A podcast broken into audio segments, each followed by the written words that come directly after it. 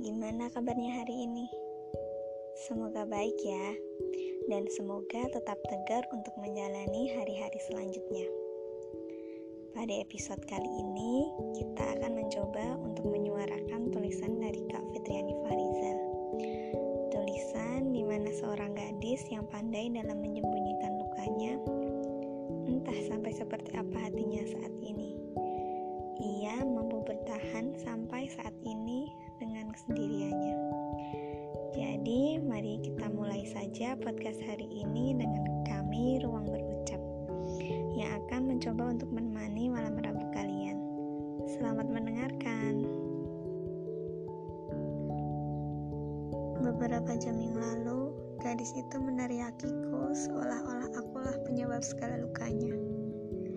Gadis itu terdengar sangat marah sekali tapi ia menahan segala ucapannya. Ia hanya berkata-kata seolah ia sedang berbicara, tapi tanpa maksud apa pun. Ia pandai menyembunyikan lukanya. Ia pandai melipat kesedihan agar terlihat dengan rapi. Sesekali ia melihatku dengan pandangan yang kosong Garis hitam di bawah kedua pintu matanya juga sudah mulai tampak jelas. Kau baik-baik saja. Mengapa menangis selama ini? Apa kau sedang kesulitan? Kau sakit? Gimana yang sakit? Apa ini berat untuk kau pendam sendirian? Mau bagi sakitnya denganku? Kau baik-baik saja. Mengapa marah-marah selama ini? Apa kau kecewa? Kau merasa bersalah? Tak mampu memaafkan dirimu sendiri? Sudah ya, sudahlah. Tak apa-apa. Hari ini optimalkan kesedihanmu.